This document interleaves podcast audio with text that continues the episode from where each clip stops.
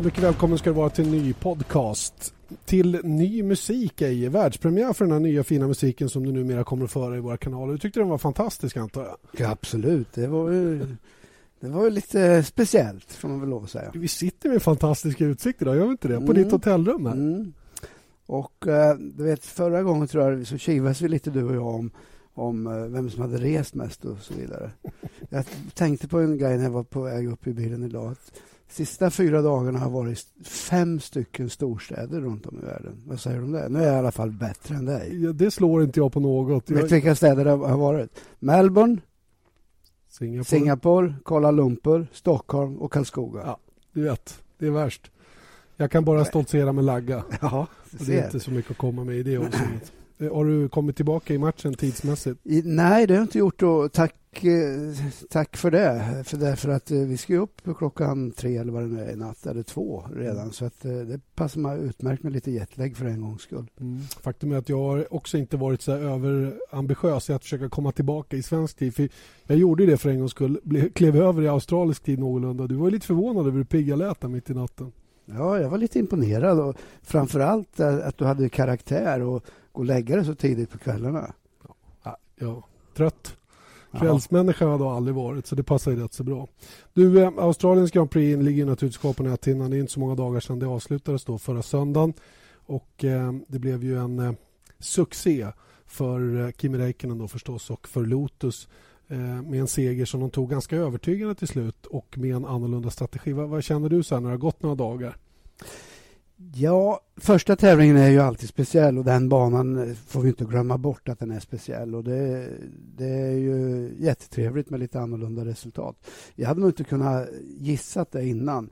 Men eh, det är bara att konstatera att eh, den, de goda sidor som de hade förra året, Lotus, den tog de med sig och eh, dessutom har förbättrat sig lite grann. Så att det blev ju det blev ju nästan en utklassningsseger. Och sen när Kimmy eh, gör sina två snabbaste varv, de, de, det sista och näst sista, det visar att det fanns ju kapacitet där. Mm, och med ganska god marginal snabbare än vad någon där bakom ja, klarade av att göra i det skedet. Ja, ja visst. Nej, men det var ju... Eh, det var en uppvisning helt klart. Alltså, och, eh, men mycket följer på plats också. Han hade ett race framför allt där han slapp åka i trafik och vilket har en enorm betydelse på däckslitage. Och, eh, han drog ju verkligen nytta av det här och eh, den, hans mjuka fina körstil. Hela, allting bara ramlar på plats. Och att få en sån drömöppning så det, det är ju kanon alltså för vilket team som helst och vilken förare som helst. Var det det som fällde avgörandet, att han slapp trafiken? Han tog sig faktiskt förbi ett antal förare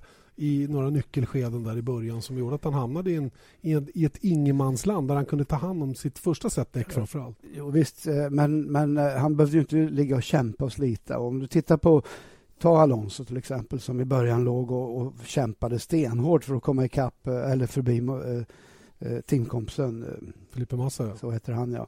Eh, sådana saker sliter ju hårt. Eh, samma sak eh, Fettel, när han kom in så hamnade han i trafik efter att Alonso hade passerat. Eh, Sutil låg där och slet ont. Alltså. Och, och sådana saker var ju Kimi befriad från. Så att han fick en ganska enkel resa. Enkel inom Eh, jag ska inte kalla det enkelt, va? men han sa ju för sig själv efter racet att det kanske var en av hans enklaste segrar som han någonsin har, mm. har fått. Så att eh, mycket föll på plats, och, eh, men så är det ju. Jag menar, ska du vinna så kan du inte ha en miljon problem, för då vinner du inte. Um, han sa själv en sak som var rätt intressant och som naturligtvis speglar rätt mycket den chansning som man ändå tog. De startade ju ändå sju och åtta med de båda Lotusbilarna och Kimi från sjunde rutan. Jag, när, när, jag tog med igenom det första varvet utan problem då visste jag att jag hade en bra chans. Och Det är precis det det handlar om. För det är farligt att starta där nere. Visst är det det. Och, eh, kanske ännu längre ner eh, runt tionde, tolfte plats. Där är det ju det är ett minfält då, egentligen. Så att, eh, nej, men han, han var ju medveten om att han hade en bra bil. Han var egentligen nöjd hela, hela helgen med bilen. Men eh, som sagt var Titta på en sån som Webber som till slut fick ordning på sin bil, någorlunda i alla fall. Eh, hamnar du i fel läge, ja, då kommer du ingenstans. Va? Kimi kom loss, hade ett par passeringar naturligtvis som han var tvingades göra men eh, sen föll saker och ting på plats. Och, eh, eh ja, det, så funkar det. Mm. Du nämnde Webber, hade problem med telemetrin i början eh, och Curse som vanligt, eller på att säga.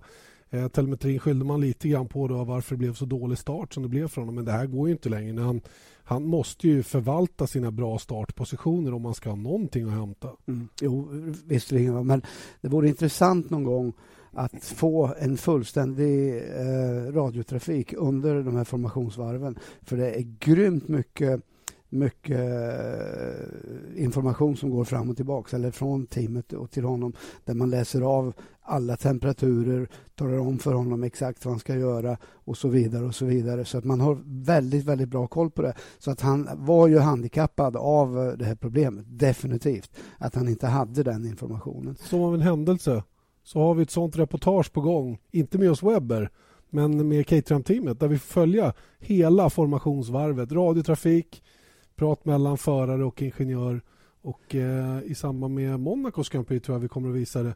Eh, vi spelar in det i Barcelona, vi kommer att visa det i samband med Monacos GP. Grymt, Janne, du slutar aldrig överraska mig. Nej, Positivt. Jag har full koll på ja. vad du vill och vad du behöver, dig, så det är lugnt. Ja, vad kul.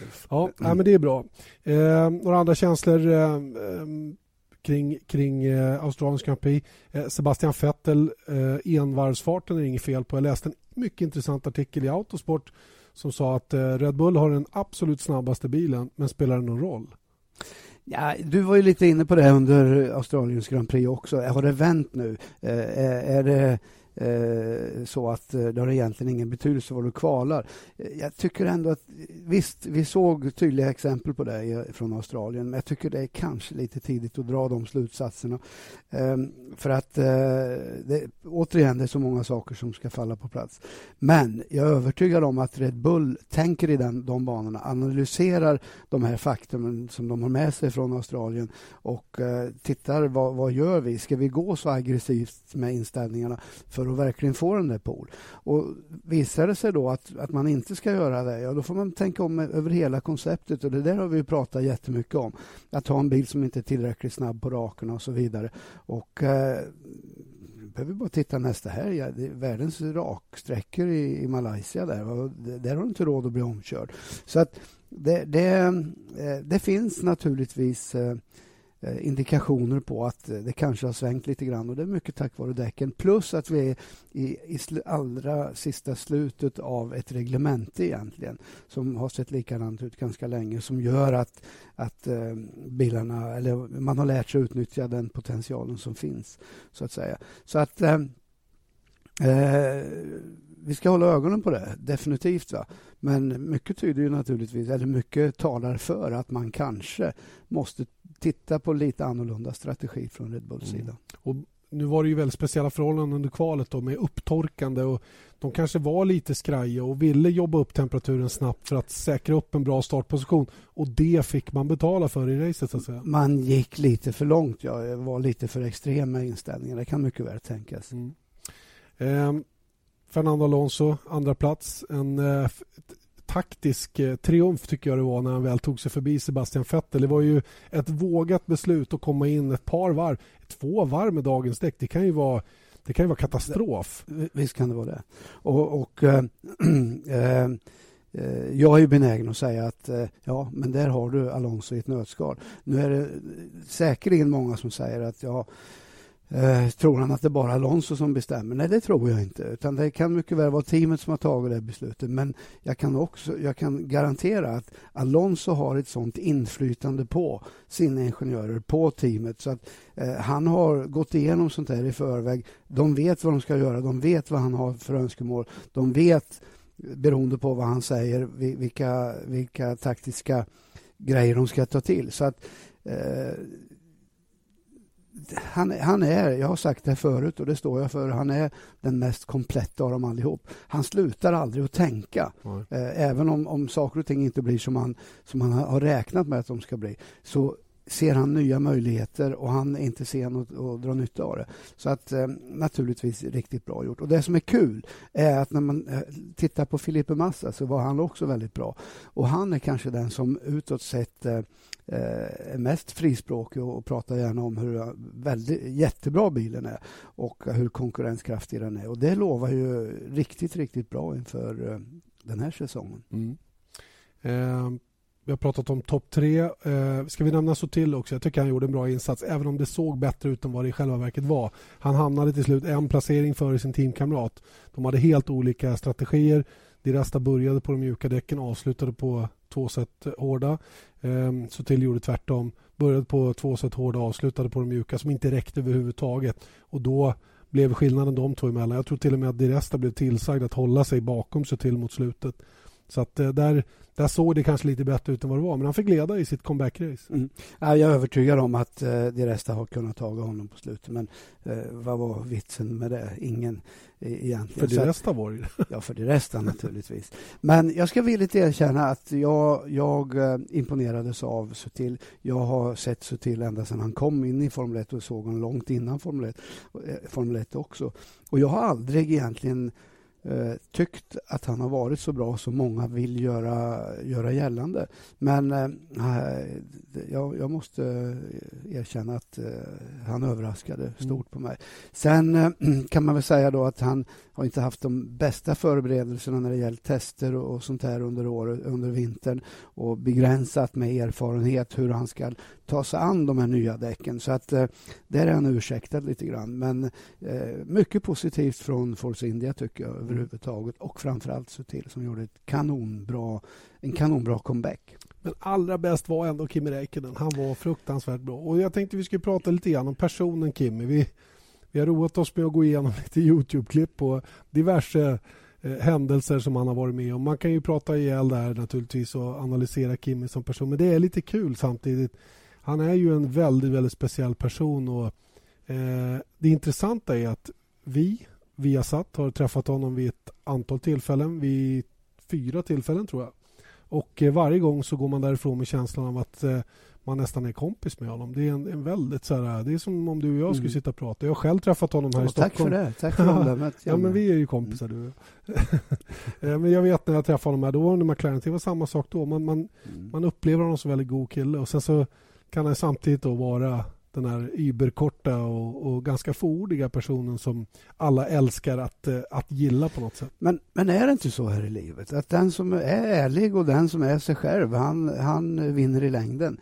Eh, de här eh, politikerna och robotarna som är tillsagda hur de ska uppföra sig mot media och uppföra sig i, i, i, ute bland folk, höll jag på att säga de, de, eh, det blir lite konstlat och med mm. Kimi finns det inget sånt. Det existerar inte utan han är bara Kimi Räikkönen. Och eh, det är ingen skillnad idag från hur han var för när han kom in i Formel 1. Möjligen och, lite mer självförtroende kanske i sitt sätt att vara. Från början byggdes det här tror jag från en viss blyghet. Va? Det är det ju inte längre. Visst, det är jag övertygad om. Eh, han, har in, han har hamnat på en sån nivå. Han har vunnit VM. Han, han, har, han har han har gjort det han, eh, det han skulle, så att säga. Så han bryr sig inte, utan han, folk får tycka vad de vill. Mm. Och eh, det gör de ju också, vissa. Eh, han är bara den han är. Alltså. Och, men man, man kan ju inte... Man kan ju inte inte imponeras av den här killen egentligen. Om, om man tittar rent sportsligt också, hur, hur det såg ut när han kom in i Formel 1. Och eh, sen när vi pratar om det här beteendet, alltså, Eh, de första åren i, i Formel 1 och framförallt när han kom till McLaren, det var ju en total skandal. Alltså. För att, eh, och, och McLaren som är så eh, pippinetta och, och, perfekta i allt de gör och det finns inte ett dammkorn på någonting. De slet ju sitt hår. Alltså, för att eh, det gick ju inte att ha en sån här människa. Han, han, eh, han var ju den som stängde barerna alltså, på morgonkvisten. Så det är ingen myt alltså? Nej, det är absolut ingen myt. Och, eh, naturligtvis hålla sig på topp för en sportsman oavsett vad du gör så, så kan du inte missköta det. Utan det här var ju saker naturligtvis som, som eh, eh, eh ska säga det hände i veckor och, och sånt där. Va? Men inte, inte under tävlingshelgen? In, nej, inte under tävlingshelg. Men, mm. men ändå uppmärksammas det ju grymt. Alltså. Så att, eh, nej, det är ingen överdrift. Va? Och han är säkert likadan idag. Ta exemplet när vi var nere på den sista Barcelona-testen och han inte kom till testen. Hade, var, hade ätit något fel och var, var, hade magsjuka. Då sa ju alla att ja, nej, men han var ute och festade igår. Mm. Så att ryktet finns ju naturligtvis kvar och kommer alltid att finnas kvar. Men eh, en eh, otrolig kille och, och, så skön dessutom. Alltså. Och han, han gör ju precis det han tycker. Och det var likadant i rally. De, folk i rally var ju chockade. Alltså, vilket, och I början då så var det ju precis som i Formel 1 eh, förlåt, eh, många som tyckte att vad är det för, för pajas? Alltså, vem tror han att han är? Vad, vad, försöker han, vad försöker han föreställa? Ingenting. Han var bara sig själv. Punkt slut. Alltså. Och jag menar, eh, många gånger hör vi honom säga när, när det kommer ett påstående från media, då, då svarar han bara att ja, men det är ju ni som har skapat det här. Det är ni som säger att jag är sån och sån och så vidare. Och det är det ju också. Mm. Så att han är ju väldigt speciell, men en skön kille och en otroligt bra förare. Vi älskar det. Ja, visst gör vi det. Ja, men en, en liten intressant grej ändå som speglar lite grann hur, hur vi upplever honom som person. Ta, ta vår intervju som vi gjorde i Australien. Mm. Vi står där, eh, avbrutet kval, det är mörkt, alla vill därifrån. Eh, vi har en tid som vi hade fått. Ja, när jag var där. Det spöregnade dessutom. Ja. Alltså. En slott och, och, alla vill avbryta och säga att nej, ni får inget. Det är ju mitt under kvalet. Hallå, vi gör inga intervjuer mitt under kval. Och Kimmy själv säger att jo, men kom igen nu, vi gör det här nu så är det gjort sen. Det är, liksom, det är ju tvärtom mot vad man har bilden av honom. Både Frida kände nog att, hon, att den här situationen var henne övermäktig och hon bad mig till och med prata med, med PR-folket där. Eh, inte för att det gjorde någon större skillnad, men de var ju, de var ju riktigt nervösa och de, de menar på att eh, ja, det har ju hänt så mycket nu och så vidare. Och det faktum att många av de andra teamens förare bara sa att Nej, men, ja, vi ställer in det där för att kvalet är inte klart. Vi är, jag är mitt i ett kval mellan Q1 och Q2. Så vi får vänta. Eh, så var det. Men eh, han brydde sig inte. Han slog, satte på sig toppluvan och så kom han ut och ställde sig i mm. regnet där. Och var precis eh, så bra som som, som, han kan vara. Som han kan inte vara, så mycket alltså. mer va? Nej, men han var ju... killen har ju humor. Alltså. Ja, det är ja. ingen snack om saken. Och, och han, han har uh, glimten i ögat, verkligen. Visst. Okej, okay, det var Kimi Räikkönen det. Vi har ju fem rookisar också som um, kör den här säsongen. Var med på presskonferensen tidigare idag. Eh, tillsammans med Kimi Räikkönen. Bara det tycker jag är kul. Att de tussar ihop de där fem och Kimi. Eh, och eh, rookisarna hade lite spridda skurar av framgång och motgångar tycker jag i Australien. Var det någon som, var, som satte något avtryck hos dig tycker du? Bianchi, Jules Bianchi. Och då, då, säger jag bara vad var det jag sa. Den killen kommer vi att få mycket nöje av under det här året för att han är en racer eh, gudabenådad och eh, eh kanske snurrar två, tre gånger under ett race. Eh, men däremellan så bjuder han på show. Eh, ger aldrig upp, alltså, utan bara kämpar och kämpar. Och naturligtvis, eh, det där är ju någonting som man måste lära sig så småningom. Och, och, men, men just idag så eh, ger han bara ger järnet rakt av. En som kanske inte lyckades lika bra det var väl holländaren Guido van der Garde som vi haft lite frågetecken kring hur bra han är och hur han orkar hålla nerverna i styr. Och han var av rätt många gånger, både på träning och under kval och stökade till det. Skadade golvet på bilen vet jag i, i sin avåkning under kvalet och fick ju lida av det under racet naturligtvis. Han var, jag vet inte, håller han måttet tycker du? Han, han, eh, han är lite stressad över den här situationen och det kanske eh, finns eh, förklaringar till det. Han har hållit på länge, riktigt länge och han är 27 år gammal det är inte vanligt att man är så gammal när man kommer in i Formel 1 idag. Eh, han eh, gav sken av hela helgen där nere i Australien att han var pressad, att han var stressad och inte i någon vidare bra balans. Och han gjorde alldeles för många misstag för att det skulle vara godkänt. Mm. Eh, något han själv hade påtalat att han skulle försöka minimera den här säsongen och lyckades väl sådär med det under premiärhelgen. Nu är det alltså Malaysia som gäller, Sepang. Det är helt andra förhållanden än det som gällde i eh, Melbourne. Till att börja med är det en helt annan bana. Där, eh, jag tittade lite i backspegeln i, i min blogg och konstaterade att eh, det här är den första banan som Herman Tilke byggde helt och fullt. Mm. Eh, premiär 1999. Jag var där. Du var där. Jag var inte där. Eh, Schumachers comeback efter benbrottet på Silverstone. Eh, Schumacher som fick agera andreförare för en gångs skull och gå och stoppade upp och mm. var bromskloss både en och två gånger under racet. Eddie Irvine vann till slut. Ferraribilarna blev diskvalificerade efter racet och fick tillbaka sina poäng efter diverse palaver. Eh, och eh, bara det var ju ett minnesvärt lopp på alla sätt. Och den här nya fantastiska anläggningen var ju någonting eh, utöver det vanliga på den tiden. Oh ja, visst var det det. Det var ju helt enormt att, eh, att komma till den där banan eh, första dagen. Jag var så imponerad. för att eh, då, På den tiden hade man ju Spa, Silverstone, Monza och de här banorna som, som referens egentligen. Och så kom man dit. Alltså det var som att komma in på en countryclub. Allting var i praktiken perfekt. Och det roliga är att det blev ju en och det var inte bara banan, utan runt omkring. Alltså bara det faktumet att, eh, att det fanns... Varje team hade ett litet office och lite relax room, rum för ingenjörerna. Vilket i och för sig är tur, för det är fruktansvärt varmt där. Eh, läktarna, de längsta läktarna, jag kommer inte ihåg lång, lång läktaren. Ja, den som är emellan där. Ja, den är ju, ja. det är en vinkel, ett ja, V om jag säger. Mm. Det är tydligen världens längsta läktare. Okay. Eh, om man räknar räknar den åt det hållet. Eh, och sen då med, med de här solparasollerna, hibiskus som är mm. nationalblomma mm. i Malaysia. Så det var ju oerhört vackert samtidigt, samtidigt som det visade sig vara en helt fantastisk bana. Så den, den lyckas han ju med till 100 procent. Och den står sig än idag. Utan faktiskt. tvekan, verkligen. Och på alla sätt och vis utmanande kurva 7, 8 dubbelhögen, hårda inbromsningen, eh, kurva 9. Vi har ju kurva 12, 13, 14 som är är det 11, 12, 13? Är det? De, mm, ut på bakrakan. Precis, ja. innan man kommer ut där som är kanske de mest avgörande svängarna på hela banan. Plus att man behöver toppfarten då på bakrakan och sen hårnålen, hård inbromsning ut på startområdet. Den mm. har liksom allt. Ja, den har det. Och eh, som Formel 1 ser ut idag så har den ju dessutom ingredienserna som gör att, eh, att det är väldigt viktigt att du har en bra bil. Eh, för däckslitaget blir stenhårt där. Och det är dessutom det varmaste loppet naturligtvis och det längsta loppet. Mm. Ett av de längsta i alla fall. Ja, det borde det vara. Och det är dessutom så att Pirelli tar med sig de två hårdaste blandningarna också, medium och hårt, eh, till det här racet då, för att de ska stå emot eh, Problemet som, som jag uppfattar att man har här, det är ju klimatet som jobbar emot också lite mm. grann då, i och med att eh, senare läggning av starten 16.00 som man vill ha då för Europaanpassning så att säga gör ju att ö, risken för skyfall är överhängande. Med start klockan 14 betydligt mindre sån risk. Mm.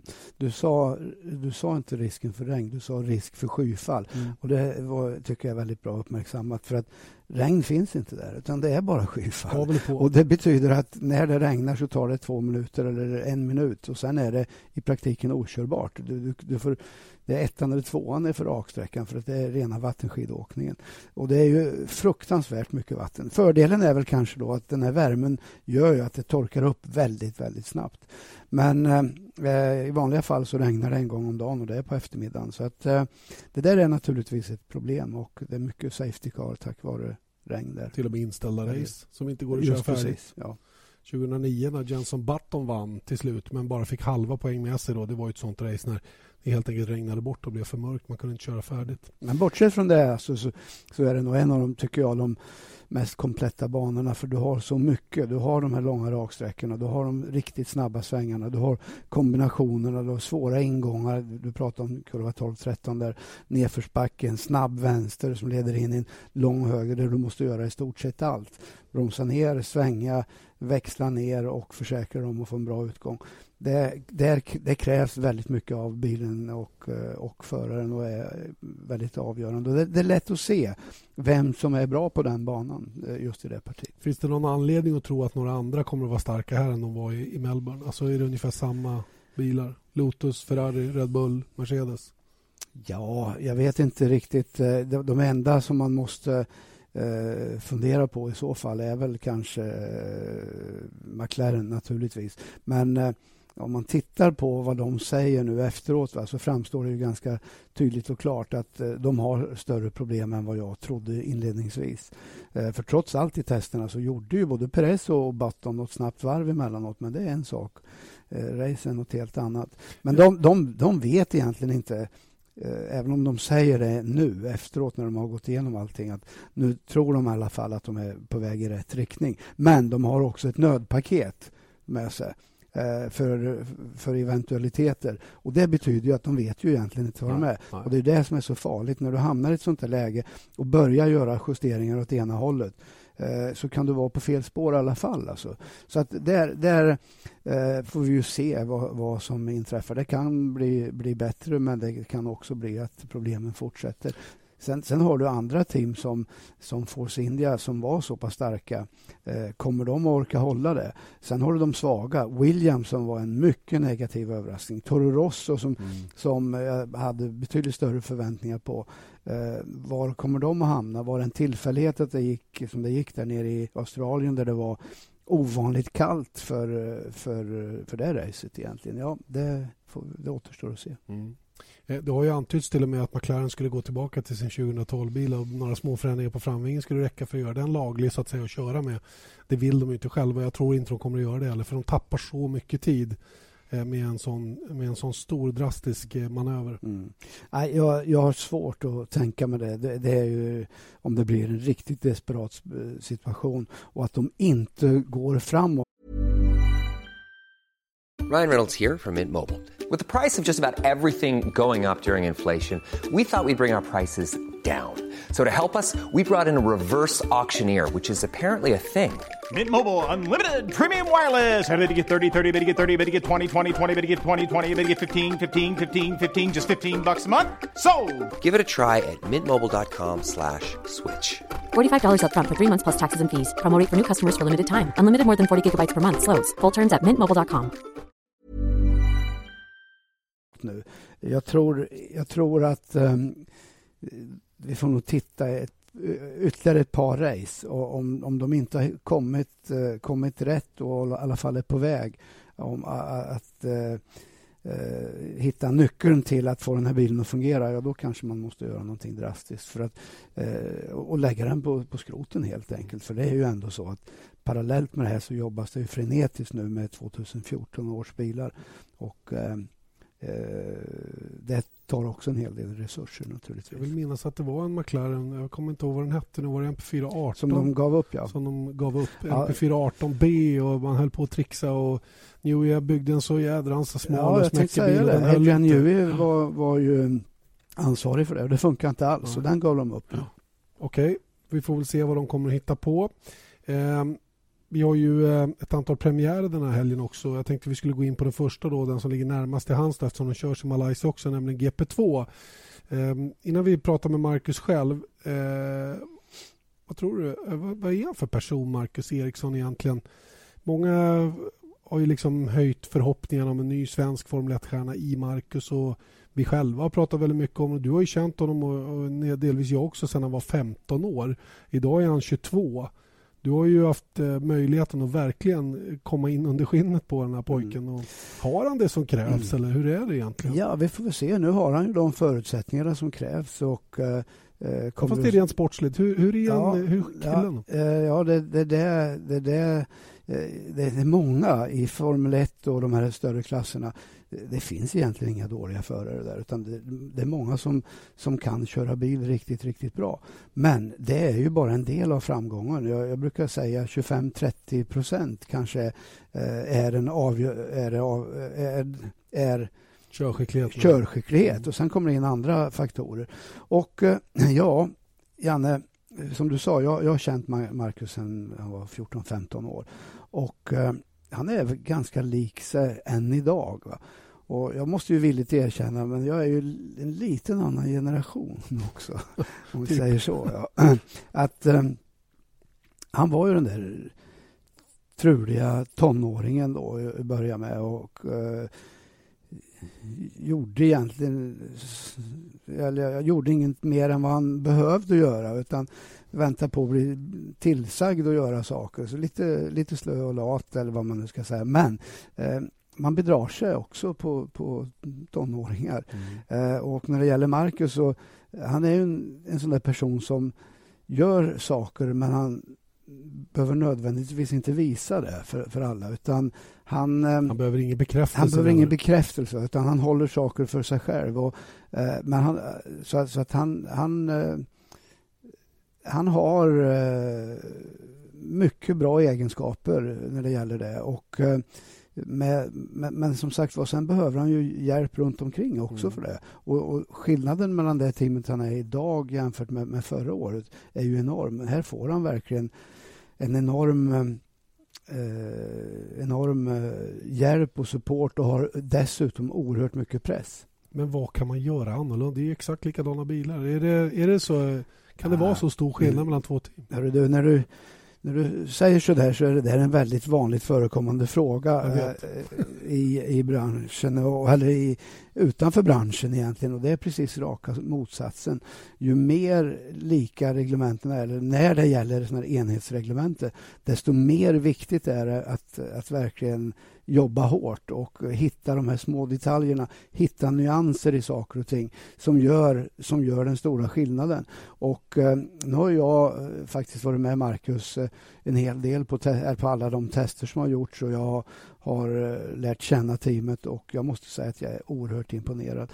För det här är det enda team som, som jag tror jobbar exakt som eh, Eh, ett Formel 1-team och, och eh, Marcus kommer inte ha lång, många sekunder över för något annat än att bara sitta och jobba med ingenjörerna och eh, och eh, se till att saker och ting eh, är gjort på rätt sätt. Jag kan lämna ett exempel. Jag pratade senast för någon, någon timme sedan med Marcus och han varit ute och gått eh, trackwalk, gått ett varv med ingenjörerna runt banan och eh, och eh, han fick lite banner efter Barcelona-testen, eh, eller under Barcelona-testen eh, från ingenjören, eller från ledningen i, i teamet där, som tyckte att han eh, eh, borde försäkra sig om att han verkligen... För, för det här teamet, alltså, de ger, det kommer en bibel före varje testpass eller varje, varje test, före varje tävling där de alltså har analyserat ett antal år bakåt i tiden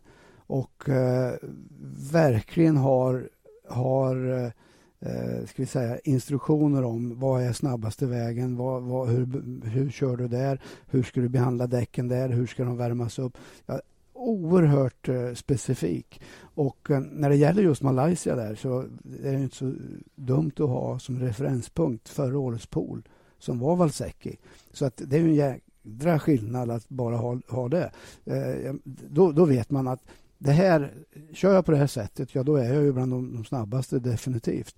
Så att, eh, eh men, men jag pratade också med ingenjör, Marcus ingenjör efter att jag hade pratat med Marcus, bara förhörde mig lite grann. Och han var oerhört imponerad av Marcus eh, som hade i praktiken bara memorerat hela den här packen som är en halv bibel eh, med instruktioner och siffror och, och, och så vidare.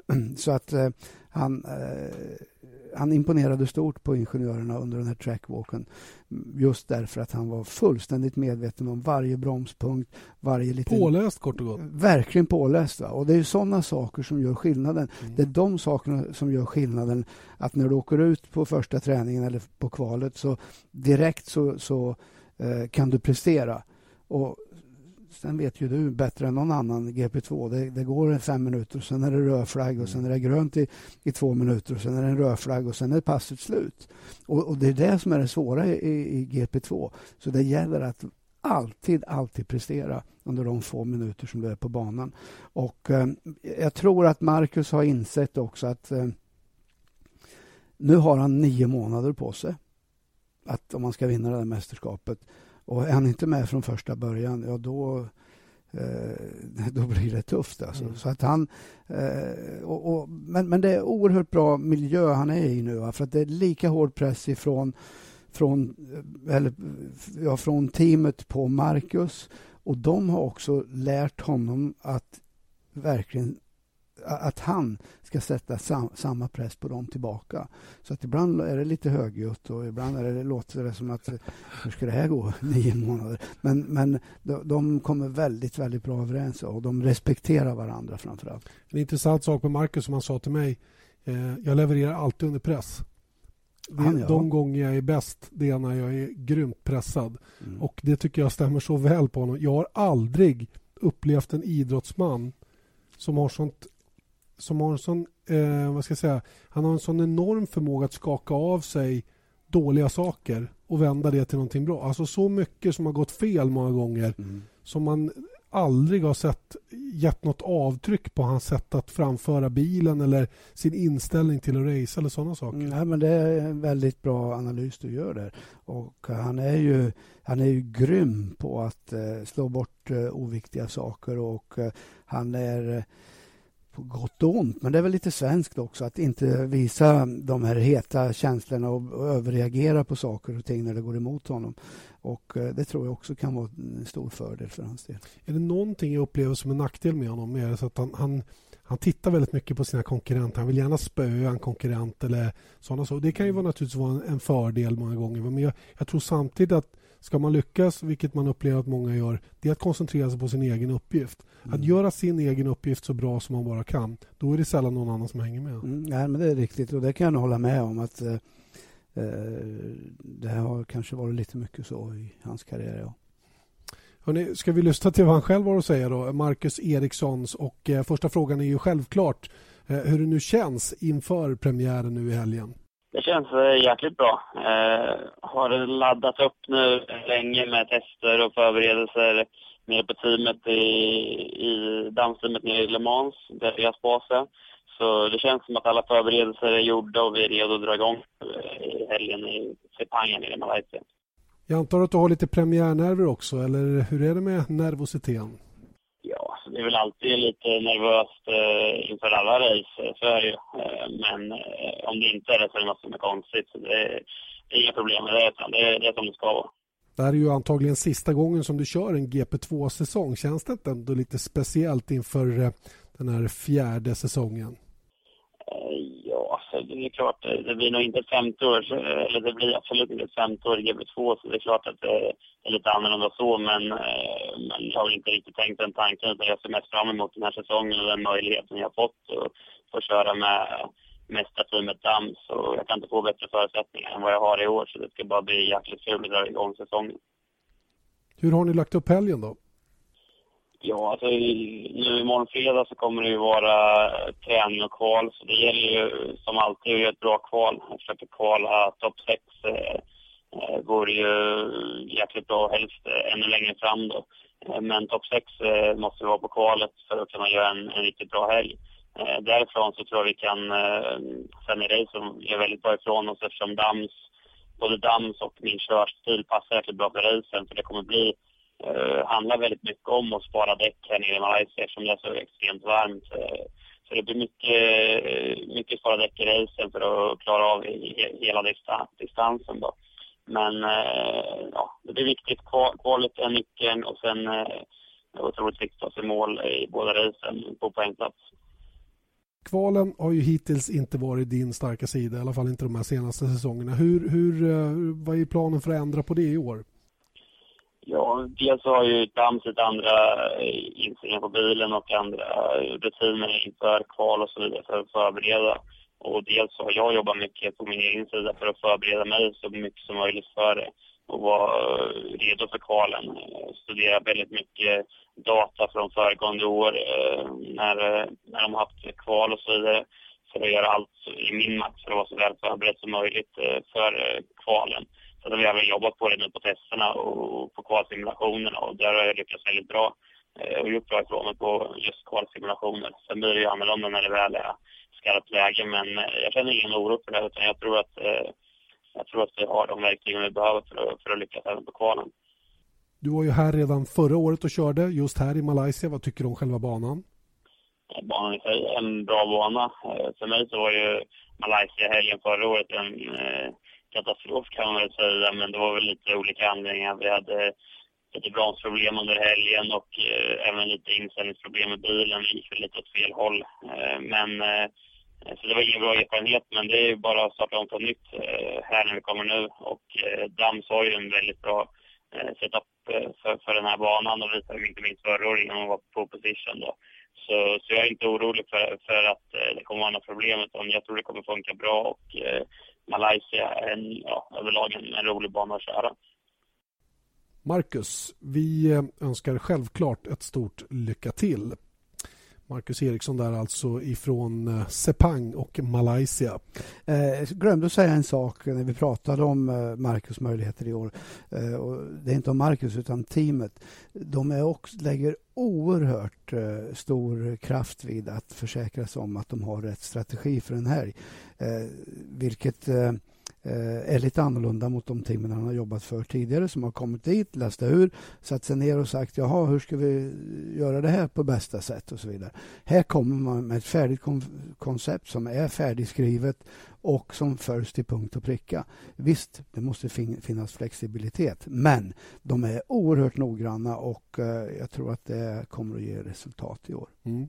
Det är otroligt spännande i alla fall. 4 och 10 natten till lördag och 5 och 10 natten till söndag är starttiderna för de två GP2-sändningarna under helgen.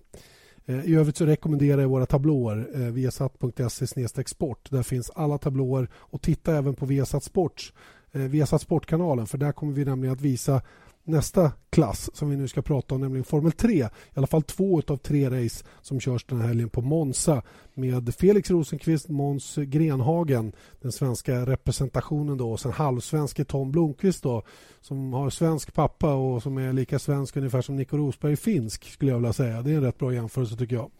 Ja, vi ehm, får göra som vanligt att om det går bra så får vi göra honom till svensk. Absolut, ja men det är klart att han blir det. Eh, jag vet att en sån som Rickard Rudell tror väldigt mycket på Tom Blomqvist och Tom eh, var också hyfsat snabb här på den första testen man körde nere i, i Italien. Eh, nu är man som sagt på Monza och just mycket som är teamet som Felix kör för nu då, tredje året Ehm, Ehm, som för övrigt blev av med sina, en av sina andra förare upp till DTM. Och det var lite snöpligt tror jag för, för Felix, nämligen Pascal Wehrlein då, som tar platsen efter Ralf Schumacher som har bestämt sig för att sluta. Men det kan vi prata om en annan gång när vi kommer till DTM-premiär och sådana saker. Eh, F3 den här helgen alltså och Monza är en väldigt speciell bana att komma till. Och, och mycket som sagt, de har inte varit här sedan 2002. De har lite att ta igen. Ja, ingen fördel naturligtvis. Eh, banan är ju oerhört eh, speciell. Eh, det handlar bara om att få en bil att gå fort egentligen eh, på, på raksträckorna. Eh, visst, det svänger lite här och där. Parabolika till exempel. Där måste du naturligtvis ha en bil som är välbalanserad. Men det är inte det stora problemet egentligen. Utan det stora problemet är att, att ta sig tillräckligt snabbt genom de här olika chikanerna. Och det är inte lätt. Alltså, det kan jag skriva under på. Jag har själv försökt vara snabb där många gånger. Någon gång var jag väl kanske det också. Ehm, men det tar tid att lära sig. Alltså. Det tar en otrolig tid för att det är inte som någon annan körning överhuvudtaget. Och när man ser de som kan den där banan så är det man, man, man bara står förbluffad och tänker ja, men det, det, det, går inte. Jag genar inte hälften över kurbsen som, som han gör och jag håller på att slå runt. Alltså. Så det, det, är en mycket, mycket svår bana och det finns egentligen ingenting som biter på, på Eh, på det annat än att bara köra varv efter varv efter varv. Det finns ingen som kan komma till Monza och uh, bara vara snabb rakt, rakt ut i depån. Och Felix har aldrig kört där. Men Felix är, har ju andra plus naturligtvis. Att han har varit i Formel 3 så pass länge, lite veteran får man väl mm, kalla. Mm, och uh, dessutom kontinuiteten med, med, team och så vidare som vet vilka preferenser han har på en bil och kan tyda hans information som kommer tillbaks. Så att jag är övertygad om att han kommer att lära sig det där. Och teamet kommer att lära sig också. Det är ju för övrigt ett nytt Europamästerskap i år. Det brittiska och eh, F3 Euro Series har ju mer eller mindre slagits ihop och det är väldigt många bilar, närmare 30 stycken. Och eh, Det här ska bli intressant att följa. Tyvärr har det väl inte gått 100% för Felix på testerna. Såg lite halvsegt ut i Barcelona och eh, han var en bit efter också här på den första som kördes på Monza. Så vi får väl verkligen hoppas att de eh, hittar rätt med inställningar och fart när det gäller Felix del. Och sen har vi Måns Grenhagen då som eh, kliver in i ett, ett holländskt team då som eh, eh, förhoppningsvis ger honom en bil som, som han kan vara med och, och slåss i hyggligt. Eh, jag vet inte, vad, vad, vad, tror du om hans möjligheter att vara med? Eh, svårt att säga, men om man ska bedöma på de tester som vi har sett så här långt så har han ju överraskat mer än någon annan. Både han och teamet har överraskat. Och orkar han hålla den nivån på sin, på sin prestanda så är det ju eh, Eh, otroligt, ska bli mycket, mycket intressant att följa honom. Vi vet inte så jättemycket om Måns Grenhagen men vi vet att han, han eh, har varit ansedd väldigt duktig och eh, eh, får han en bil som, som funkar som han behöver och eh, så är jag övertygad om att eh, han kommer att motsvara förväntningarna. Mm. Jag såg honom på tester i Valencia innan jul och då gjorde han ett riktigt skapligt jobb faktiskt eh, när testerna kördes där. Um, ja, det är Formel 3 som sagt på Monza. De racen ser ni. De går ju tyvärr två av dem samtidigt som det är Formel 1. Därför har vi flyttat över de racen till Viasat Sport. Eh, så missa inte dem där. Det sista, eh, tre, tredje racet då, så att säga, går ju på söndag eftermiddag så det kan ni se då som vanligt på Viasat Motor. Och sen har vi ytterligare en premiär då som vi gärna pushar för lite grann extra och det är Speedway Grand Prix då som drar igång och eh, dina speedway-erfarenheter är väl... Det är väl eh, skrattar åt? Ja. Det är väl noll. Får fråga vad är dina erfarenheter? Ja, jag har i alla fall kört ja. Ja, du, det skulle jag gärna vilja se. Ja, jag kan visa dig. Det gick inte fort men jag provat. Nej, just det. Men vet du vad, vet du vad speedway handlar om? Det handlar om att köra snabbare än de andra. Jag vet. Men du, Janne, det var precis samma sak i rally. Ja när du pratade med mig så var du ju Johan Kankun ja, ja. ungefär. Alltså. Men jag har fått lite jag har fått riktigt ärliga rapporter så jag vet. Inte efteråt direkt. Hur som helst så är det speedway Grand Prix-premiär eh, nere på Nya Zeeland och det är ju eh, lite tufft för förarna. Det är ju enda gången man är så långt borta ifrån Europa faktiskt eh, i en annan tidszon. Det är väl lite grann för att plussa då för de australiska förarna då eh, där vi har eh, regerande världsmästaren eh, Holder från Australien då som eh, eh får lite extra support där nere såklart. Och eh, det här är lite speciellt på, på många sätt. Vi har nämligen en helt ny eh, speedway-expert som kommer att jobba tillsammans med Tobias Lyon den här säsongen. Så det blir alltså två premiärer i helgen då. Dels speedway Grand Prix-premiär och dels gör du, Mikael Törnberg, premiär då som speedway-kommentator. Hur känns båda de här sakerna egentligen? Ja, det är jätteroligt att speedway-säsongen nu drar igång på allvar. Även om det har nystartat lite då, så är det ju GP som, som är det stora. Och eh, det är ju, både jag har längtat efter och jag vet jättemycket folk har längtat efter den här GP-premiären. Så, så, det är jätteroligt. Och sen för min egen del då, att jag ska vara kommentator, det är också någonting nytt, spännande. Så det ser jag fram emot. Är du kanske lite nervös också inför kommentatorsuppgiften? Ja, lite är jag väl. Det är klart att man är det och det ska man väl vara lite. Och, eh, men, nej, men jag ser fram emot det. det, så är det. Det är inte så att jag går och har ont i magen, absolut inte. Utan jag ser fram emot det här uppdraget och det ska bli jättekul. Vad vet du om själva banan då nere på Nya Zeeland? Ja, det är otroligt lång bana. Det är den längsta banan i hela eh, VM. 415 meter lång är den. Och eh, den är snabb. Eh, jag vet ju då från förra året, eh, slet vi lite hal kanske, men jag tror får det, får det gå några omgångar, första heaten, då tror jag kommer det vara mycket starterna som kommer att eh, vara avgörande. Men sen tror jag det ska kunna bli lite omkörningar ju längre tävlingen går. Men den är oerhört snabb som sagt var, det är den längsta banan i hela GP-cirkusen. Så eh, fort kommer det gå. Australiensaren Chris Holder, alltså regerande världsmästare, lär ha ett stort publikstöd. Va, vad tror du om hans chanser? Han är nog revanschsugen väldigt för förra året. Det var väl det greppet, äh, enda greppet han riktigt misslyckades i. Och eh, jag tror han tog fyra poäng i premiären förra året och, och nu kommer han dit som regerande världsmästare. Så han vill nog visa, jag vet att han har mycket tillresta fans då, som kommer att dyka upp där. Så, men samtidigt blir det en press också. Nu är han ju världsmästare som sagt och alla vill ju slå en världsmästare. Och eh, jag tror han kommer att få tufft. Alla vill ju slå en världsmästare, så är det. Och eh, ja, vi får väl se om man kan leva upp till det. Jag tror inte det blir lätt. Nej, men det ska bli kul att se. Eh, vem håller du som favorit? Ja, eh, jag vet inte hur det går ut av någon, någon tidning här också. Och, och min, jag tror att Nicke Pedersen tror jag är en stark, väldigt stark kandidat att vinna guldet i år. Han gjorde en fantastisk eh, fin säsong förra året och följer egentligen på mållinjen där mot Holder. Och eh, han har mycket vinna i sig fortfarande och har varit med i toppen i många år. Och eh, jag vet han är fortfarande hungrig, han, han vill ha några VM-titlar till. Han, om jag måste utse någon så, så är Nicke Pedersen som, som jag, jag, jag tippar då eh, tar VM-guldet. Vad tror du om svenskarna då? Ja, det, det tror jag. De svenska killarna kommer att få en bra säsong. Um, Antonio Lindbäck, han avslutade förra säsongen på, på ett fantastiskt sätt. Och kan han fortsätta där han slutade, då kommer han att vara med i topp fem Sen har vi Fredrik Lindgren, också som har blivit bättre och bättre för varje säsong. Men om det räcker till, till en medalj redan i år, det, det, det, det kanske det inte gör. Men eh, jag tycker han har tagit ett steg hela tiden och eh, han har fortfarande många år kvar. Eh, sen har vi då Andreas Jonsson som hade en, inte så lyckad säsong förra året, men däremot 2011, då hade han ju silver.